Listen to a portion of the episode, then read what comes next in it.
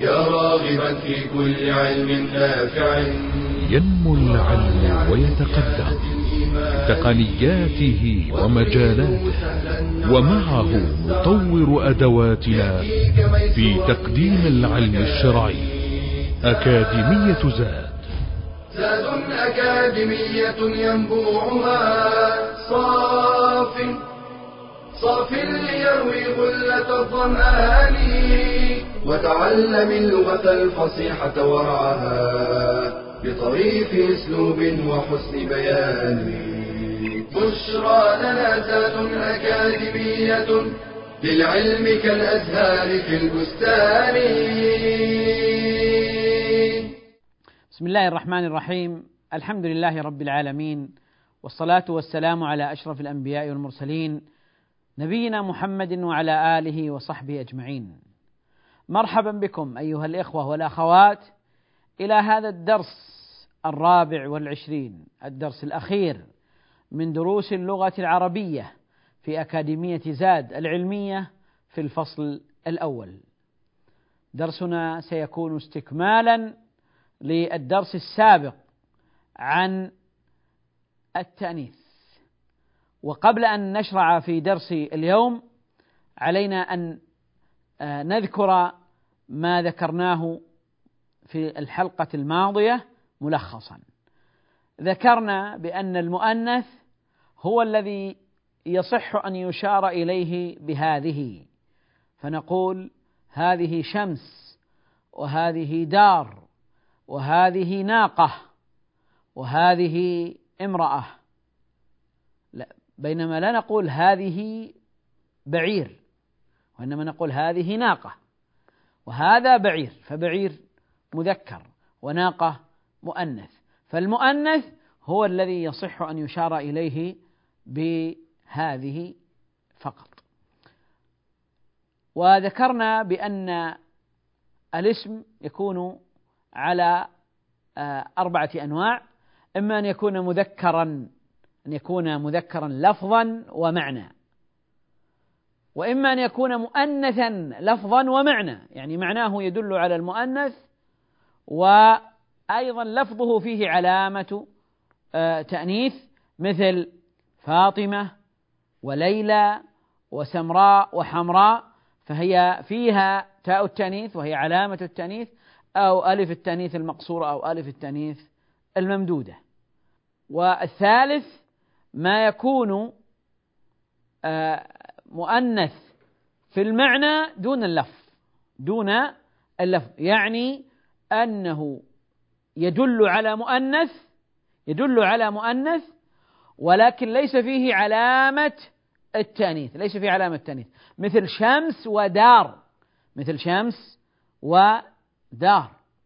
فهذه آه، مؤنث شمس مؤنث في المعنى لأن نقول هذه شمس. واللفظ آه، ليس فيه ليس فيه علامة التأنيث ليس فيه تاء التأنيث أو ألف التأنيث المقصورة أو ألف التأنيث الممدودة. هذا النوع الثالث. النوع الرابع ما يكون في المعنى مذكرا لكن فيه علامة تأنيث أو فيه فيه آه، تاء التأنيث فيه تاء التأنيث. ولكن هو مذكر يدل على المذكر. فهذا مثل حمزة وطلحة ومعاوية فهذا مذكر في المعنى لكن فيه علامة التأنيث. لكن هل نقول إنه مؤنث؟ لا. لأننا قلنا إن ضابط المؤنث هو الذي يشار إليه بهذه. فنحن لا نقول هذه حمزة وإنما نقول هذا حمزة. هذا حمزة. و آه، آه، آه، لا نقول هذه طلحة وإنما نقول هذا طلحة. هذا طلحة. فإذا النوع الرابع هو مؤنث في اللفظ لكنه في المعنى ليس بمؤنث فلا يعد من المؤنث. يعد من المؤنث اللفظي فقط من المؤنث اللفظي فقط. ولذلك حينما نقول إن ضابط المؤنث هو ما يشار إليه بهذه فنحن نقصره على القسم الثاني والثالث. ما كان مؤنثا في اللفظ وفي المعنى وما كان مؤنثا في المعنى دون اللفظ. اذا هو العبرة بالمعنى. هذا اللفظ يدل على مؤنث أم يدل على مذكر؟ فإن كان يدل على مذكر فهو مذكر وإن كان يدل على مؤنث فهو مؤنث. وقلنا إن علامات التأنيث هي تاء التأنيث مثل فاطمة وألف التأنيث المقصورة مثل ليلى وألف التأنيث الممدودة مثل حمراء حمراء وصفراء وبيضاء. طيب. وحسناء آه وذكرنا في الحلقة الماضية بأن هناك أسماء بأن هناك أسماء يجوز تذكيرها وتأنيثها. يعني يجوز أن نشير إليها بهذا ويجوز أن نشير إليها بهذه بهذه. مثل سبيل فنقول هذا سبيل وهذه سبيل. كما قال الله عز وجل قل هذه سبيلي أدعو إلى الله. قل هذه سبيلي. وكذلك أيضا نقول هذا سبيل هذا سبيل الله. كما قال النبي صلى الله عليه وسلم هذا سبيل الله هذا سبيل الله. فإذا هذا هذا الاسم يجوز تأنيثه ويجوز تذكيره. وكذلك عندنا عندنا كلمة طريق وكلمة عنق وكلمة دلو وما أشبه ذلك من الأسماء التي يجوز تذكيرها وتأنيثها. فإذا ثبت عندنا أن العرب استعملوها مؤنثة واستعملوها مذكرة أو أشاروا إليها باسم الإشارة للمذكر وأشاروا إليها باسم الإشارة للمؤنث آه، فنحن نقول إن آه، هذا يجوز تذكيره وتأنيثه. فالمرجع هو كلام العرب لكن طالب العلم لا يستطيع أن يحيط بكلام العرب فالكتاب الذي يجمع مفردات العربية ويحللها ويذكر تفسيرها وما يتعلق بها هو هي هو المعجم. فيرجع طالب العلم إلى المعجم ليتأكد أن هذا اللفظ مذكر أو مؤنث. فإما أن يكون مذكرا وإما أن يكون مؤنثا وإما أن يجوز فيه الوجهان يجوز أن يذكر ويؤنث. وذكرنا أن من العلماء من آه، خصص كتابا للمذكر والمؤنث للمذكر والمؤنث فيمكن أن يرجع إليها يمكن أن يرجع إليها. لكن هذه الكتب المذكر والمؤنث لا تضم جميع المؤنثات وجميع المذكرات ولا تضم حتى جميع ما يجوز فيه التذكير والتأنيث. وذكرنا في الحلقة الماضية أن التأنيث مرتبط بكثير من أبواب النحو مرتبط بالممنوع من الصرف مرتبط بالجمع مرتبط بالنعت باب الصفة باب النعت مرتبط بباب العدد مرتبط بأحكام الفاعل إذا كان الفاعل مؤنثا وهكذا. درسنا اليوم إن شاء الله سيكون عن علامة من علامات التأنيث. علامة من علامات التأنيث وهي التاء.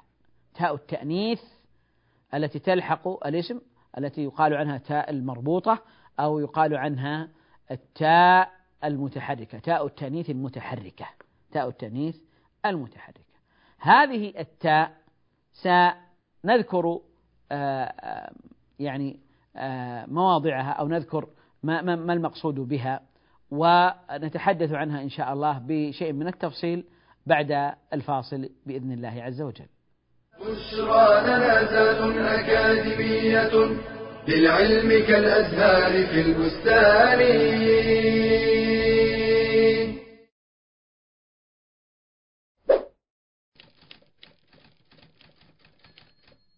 للمرأة في الإسلام أحكام تشريعية تختص بها رعاية لها وصيانة وتكريما لا تضييقا عليها ولا تصغيرا لشأنها فالمرأة لا تزوج نفسها وإنما يزوجها وليها.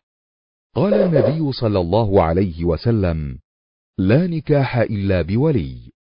وفي هذا مراعاة لحيائها فإن مباشرتها عقد الزواج بنفسها يخدش هذا الحياء وربما تحملها طبيعتها العاطفية على اختيار غير الكفء فتقع في ورطة يصعب انفكاكها منها. أما الولي فكونه رجلا يجعله أعرف بأخلاق الرجال ومكامن قوتهم وضعفهم وكونه أبا أو أخا يجعله أجدر في رعاية مصلحتها وكرامتها. وفي السفر ربما تعرضت المرأة للمفاجآت من مشقة أو اعتداء أو حاجة فلا تجد من يهتم لأمرها دون مطمع. فشرع الإسلام ألا تسافر المرأة إلا مع زوج أو محرم يعتني بها ويقوم بشأنها. فقال النبي صلى الله عليه وسلم لا تسافر المرأة إلا مع ذي محرم. ومحرم المرأة كل ذكر تحرم عليه تحريما مؤبدا بقرابة أو رضاع أو مصاهرة كالأخ وأبي الزوج. وأما زوج الأخت فليس بمحرم. لأن تحريمه مؤقت. ويشترط أن يكون المحرم بالغا عاقلا. إن كل منصف تأمل هذه الأحكام وغيرها يجد فيها الرحمة والعناية بالمرأة وصيانتها من عبث العابثين. وصدق الله إذ يقول ألا يعلم من خلق وهو اللطيف الخبير؟ بشرى لنا ذات أكاديمية للعلم كالأزهار في البستان. بسم الله الرحمن الرحيم. أيها الإخوة الأصل في تاء التأنيث أنها للتفريق بين المذكر والمؤنث. فنقول مثلا مسلم للمذكر ومسلمة للمؤنث. ونقول عالم للمذكر وعالمة للمؤنث. هذا الأصل. هناك أسماء لا تقبل دخول هذه التاء لا تدخل عليها التاء إنما التفريق يكون باسم آخر. يعني مثلا رجل لا نقول رجلة وإنما نقول امرأة. استخدم اسم آخر. ها؟ آه وهكذا. فإذا الأصل في هذه التاء تاء التأنيث تاء التأنيث هي للتفريق بين المذكر والمؤنث. وبخاصة في الصفات فهذا يعني آه، مضطرد آه، والمشتقات أيضا المشتقات مضطرد أن نقول كاتب وكاتبة ومؤمن آه، ومؤمنة وجالس وجالسة وهكذا. فهذه تاء التأنيث تأتي للتفريق بين المذكر والمؤنث. طيب لماذا نطلق عليها تاء التأنيث؟ ونكتبها على صورة الهاء مع النقط. الآن الآن هذه يعني آه، فائدة للفائدة. الآن لما أقول مسلم وأدخل عليه أريد التأنيث آتي بتاء التأنيث. فأقول مسلمة.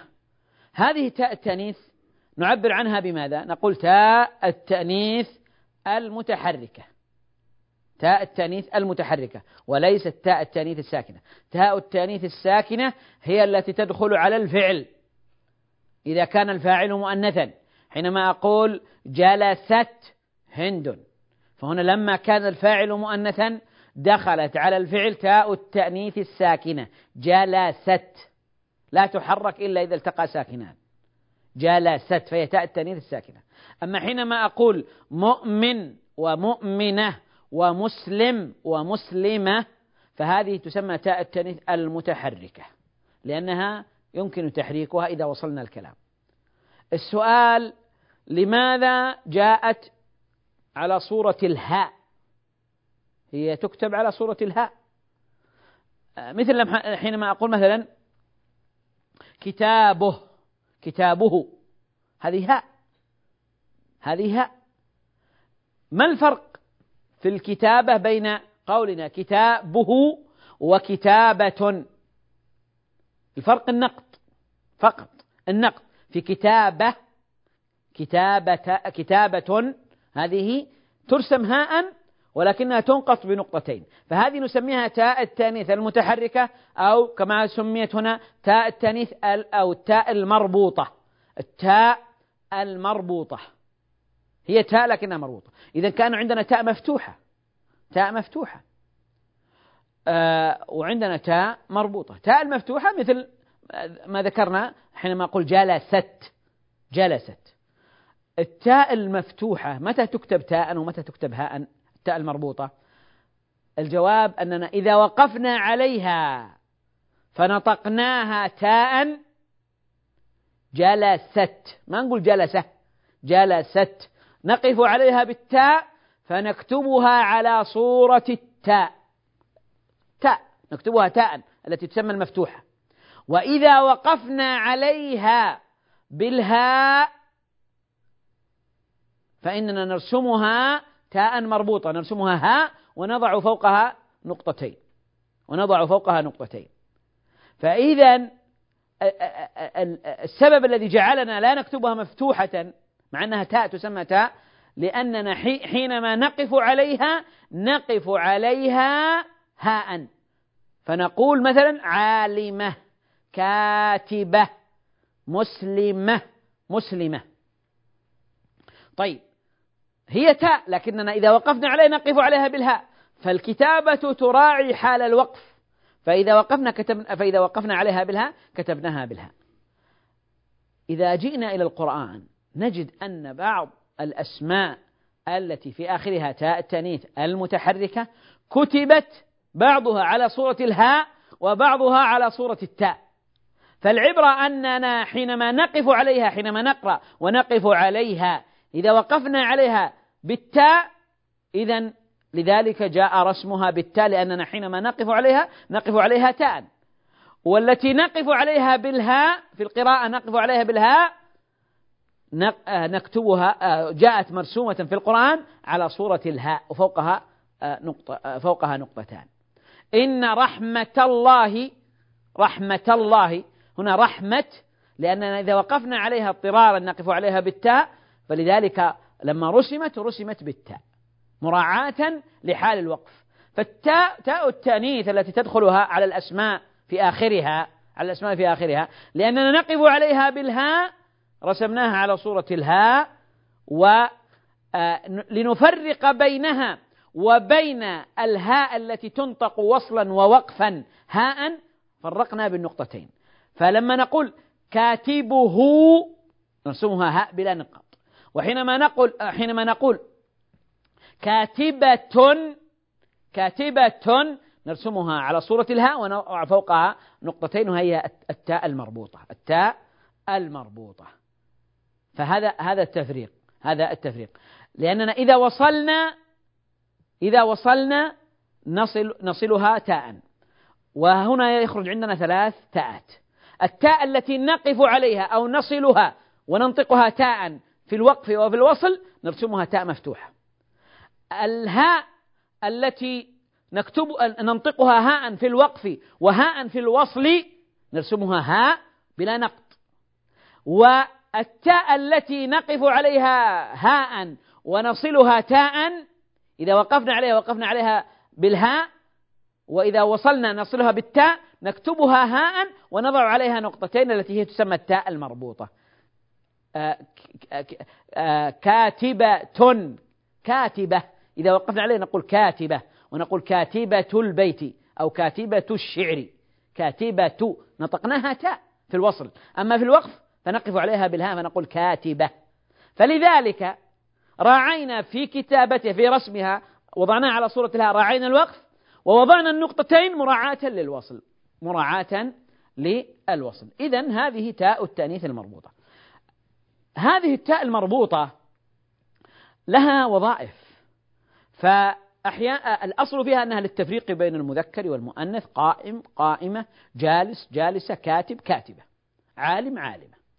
وقد آه، تأتي هذه التأني هذه التاء للتفريق بين اسم الجنس الجمعي وبين آه، المفرد. يعني اسم الجنس الجمعي يفرق بينه وبين مفرده بهذه التاء. فنقول شجر وشجرة. شجر اسم جنس جمعي. وشجرة آه، مفرد. يفرق التفريق بين اسم الجنس الجمعي وبين مفرده. وكذلك قد تأتي هذه آه، التاء للمبالغة. علامة. بحاثة. فلان علامة. فهذه التاء جاءت للمبالغة. هذه التاء المربوطة جاءت للمبالغة. وقد تأتي هذه التاء للتعويض التعويض عن حرف عن عن عن, عن ياء مفاعيل آه، أو آه، ما أشبه ذلك أو آه، مثل حينما نقول أو, أو فعاليل ها؟ مثل ما نقول زنديق جمعها زنادقة. الأصل في جمعها نقول زناديق فعاليل زناديق فعاليل. فلما حذفت هذه الياء جاءت التاء عوضا عنها فقيل زنادقة زنادقة. وكذلك أيضا تأتي التاء للتعويض عن المحذوف حينما نقول وزن يزن وزنا وزنة وزنة. فزنة أيضا مصدر لكن حذفت الواو وعوض عنها بالتاء وعوض عنها بالتاء. وهكذا قد تأتي هذه التاء لاستعمالات كثيرة لكن أشهرها أنها للتأنيث للتفريق بين المذكر والمؤنث للتفريق. لأنه قد يأتي المؤنث فيه تاء التأنيث فيه تاء التأنيث فيكون فيكون آه، آه، آه، فتكون التاء هذه ليست للتفريق. مثل عندنا ناقة. ما عندنا ناق وناقة. هي التاء للتأنيث صحيح لكنها ليست للتفريق. للتفريق لما أقول عالم وعالمة. فاصل أيها الإخوة ثم نواصل الحديث بإذن الله عز وجل. بشرى لنا أكاديمية للعلم كالأزهار في البستان.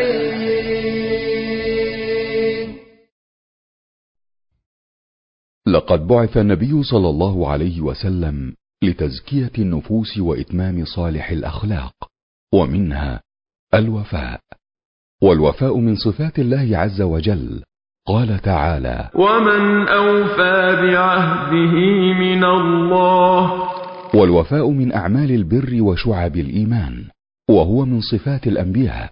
قال تعالى وإبراهيم الذي وفى وأوجب الوفاء الوفاء مع الله وذلك بامتثال أوامره واجتناب نواهيه.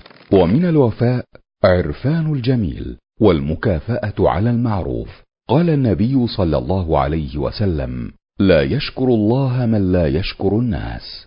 ومن الوفاء رعاية الأرحام والأصدقاء والإحسان إليهم وأداء كل من الزوجين حق الآخر ورعايته ولو مرض أو كبر سنه. ومنه أداء الأمانات حتى للكفار. قال تعالى إن الله يأمركم أن تؤدوا الأمانات إلى أهلها وإذا حكمتم بين الناس أن تحكموا بالعدل ومنه تنفيذ العهود والعقود حتى مع الأعداء وتنجيز الوعود في أوقاتها دون مماطلة فإن من صفات المنافق أنه إذا وعد أخلف فاحرص على الوفاء لتكون ممن قال الله فيهم. والذين هم لأماناتهم وعهدهم راعون والذين هم على صلواتهم يحافظون أولئك هم الوارثون. الذين يرثون الفردوس هم فيها خالدون. بشرى لنا ذات أكاديمية للعلم كالأزهار في البستان. بسم الله الرحمن الرحيم. أيها الإخوة إذا الآن نأتي إلى خلاصة الكلام عن التأنيث وتذكير بما سبق للاسم المؤنث نوعان من العلامات. إما أن يكون علامة معنوية يعني أن يدل على آه، مؤنث وهذا علامته أن يشار إليه أن يقبل الإشارة إليه بهذه. وهناك علامات لفظية أن آه، تلحق الاسم آه، علامة تأنيث. وعلامات التأنيث إما تاء التأنيث تاء التأنيث التي تسمى التاء المربوطة أو ألف التأنيث المقصورة أو ألف التأنيث الممدودة أو ألف التأنيث الممدودة. فهذه علامات لفظية. وكما أشرنا سابقا أن الاسم آه، قد يكون مؤنثا في المعنى وفي اللفظ وقد يكون مؤنثا في المعنى دون اللفظ وقد يكون مؤنثا في اللفظ دون المعنى. أقسام المؤنث هناك تقسيمان. إما أن يقسم المؤنث إلى حقيقي ومجازي. ما معنى حقيقي ومجازي؟ الحقيقي هو آه، على آه، آه، المؤنث الإنساني. المؤنث الإنساني. فاطمة وسعاد ومريم والإنساني المؤنث الإنساني. والمؤنث غير الإنساني الجمادات وغيرها من المؤنثات هذا يسمى مؤنث مجازي يسمى مؤنث مجازي. إذا المؤنث إما أن يكون مؤنثا حقيقيا أو يكون مؤنثا مجازيا. هذا تقسيم. التقسيم الثاني إما أن يكون مؤنثا معنويا يعني فقط في المعنى أو يكون مؤنثا في اللفظ أو يكون مؤنثا في المعنى واللفظ. مؤنثا في المعنى واللفظ. إذا ثلاثة. مؤنث في المعنى فقط دون اللفظ مؤنث في اللفظ فقط دون المعنى مؤنث في اللفظ والمعنى. أو نعيد التقسيم نقول آه، المؤنثات آه، على ثلاث أقسام. إما مؤنث في المعنى واللفظ في المعنى واللفظ مثل مثلا حينما نقول آه، فاطمة. فهذا مؤنث في اللفظ وفي المعنى. وإما أن يكون مؤنثا في المعنى فقط مثل زينب وسعاد وشمس ودار فهو مؤنث في المعنى دون اللفظ. اللفظ ليس فيه تأنيث ليس فيه علامة تأنيث. وإما أن يكون مؤنثا في اللفظ دون المعنى. مؤنث في اللفظ دون المعنى. إذا آه، معناه مذكر ولكنه لفظه مؤنث مثل حمزة وطلحة ومعاوية فمعناه مذكر ولكنه فيه علامة التأنيث فيه تاء التأنيث فيه تاء التأنيث. ولذلك قد نقول إنه مذكر. لماذا؟ لأننا لا نشير إليه بهذه إنما نقول هذا حمزة وهذا طلحة. لا نشير إليه بهذه. فلذلك نحن نعتبره مذكرا لكنه مؤنث في اللفظ فقط. مؤنث في اللفظ فقط. بهذا أيها الإخوة نأتي إلى ختام آه، آه، الكلام عن التأنيث وبانتهاء الكلام عن التأنيث نكون قد أنهينا مفردات المقرر في الفصل الأول مفردات مقرر اللغة العربية في الفصل الأول في هذه الأكاديمية المباركة. في ختام آه هذه الدروس لعلنا أيها الإخوة نقف بعض الوقفات آه المهمة لطالب العلم ولطالب اللغة العربية ويكون ذلك جلوسا بإذن الله.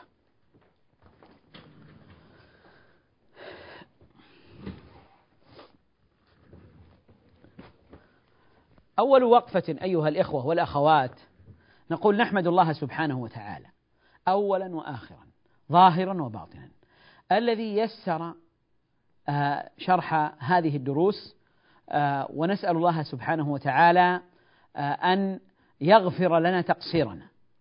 وأن يغفر لنا زللنا لكننا نحمده سبحانه وتعالى الذي يسر وأعان. ف آه، لولا عون الله عز وجل لما تيسر هذا. آه، وهنا أذكر نفسي بأن نحمد الله عز وجل دائما وأبدا الذي ينعم علينا بنعم كثيرة. آه، لا تحصى وإن تعدوا نعمة الله لا تحصوها. وإن تعدوا نعمة الله لا تحصوها. ومن أعظم النعم من أعظم النعم أن ييسر لنا طريق العلم وأن ييسر لنا سبيله. فنحمد الله سبحانه وتعالى. وأقف بعض الوقفات أيها الإخوة. الوقفة الأولى أننا نحن آه، نطلب هذا العلم. يجب أن نتذكر أن نخلص النية لله سبحانه وتعالى. أن يكون طلبنا للعلم نبتغي به مرضاة الله سبحانه وتعالى. نبتغي به التزود من العلم الذي ينير لنا الطريق وينير لنا الدرب. آه، لا نريد بذلك شيئا من الدنيا. إن حصل شيء من الدنيا فالحمد لله.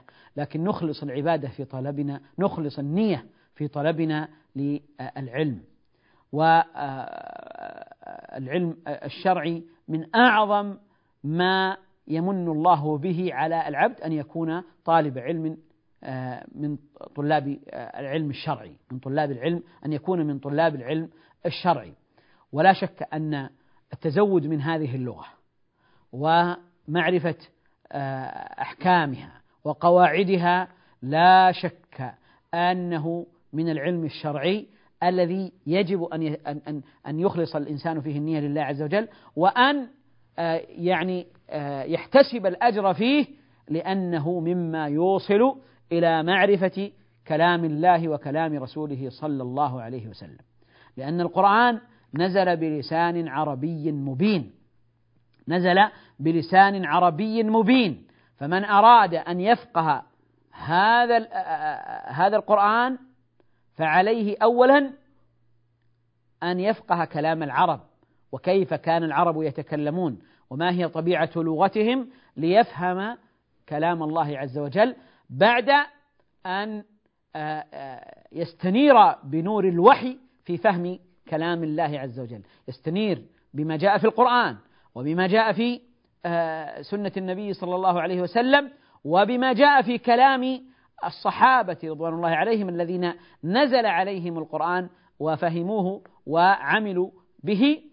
فإذا مع ذلك يجب أن يكون عارفا وعالما بلغة العرب. فإذا هي طريق من الطرق الموصلة يعني فهم هذه اللغة طريق من الطرق الموصلة إلى فهم كلام الله عز وجل وكلام رسوله صلى الله عليه وآله وسلم. فإذا حينما يطلب طالب العلم هذا العلم علم النحو وعلم اللغة العربية فإنه يستحضر هذه النية حتى تحصل له البركة ويوفق بإذن الله عز وجل. الأمر الآخر أيها الإخوة الوقفة الأخرى التي أريد أن أقف معكم آه، بها هي أن طالب العلم يجب أن آه، يحرص على توظيف ما تعلمه. توظيف ما تعلمه.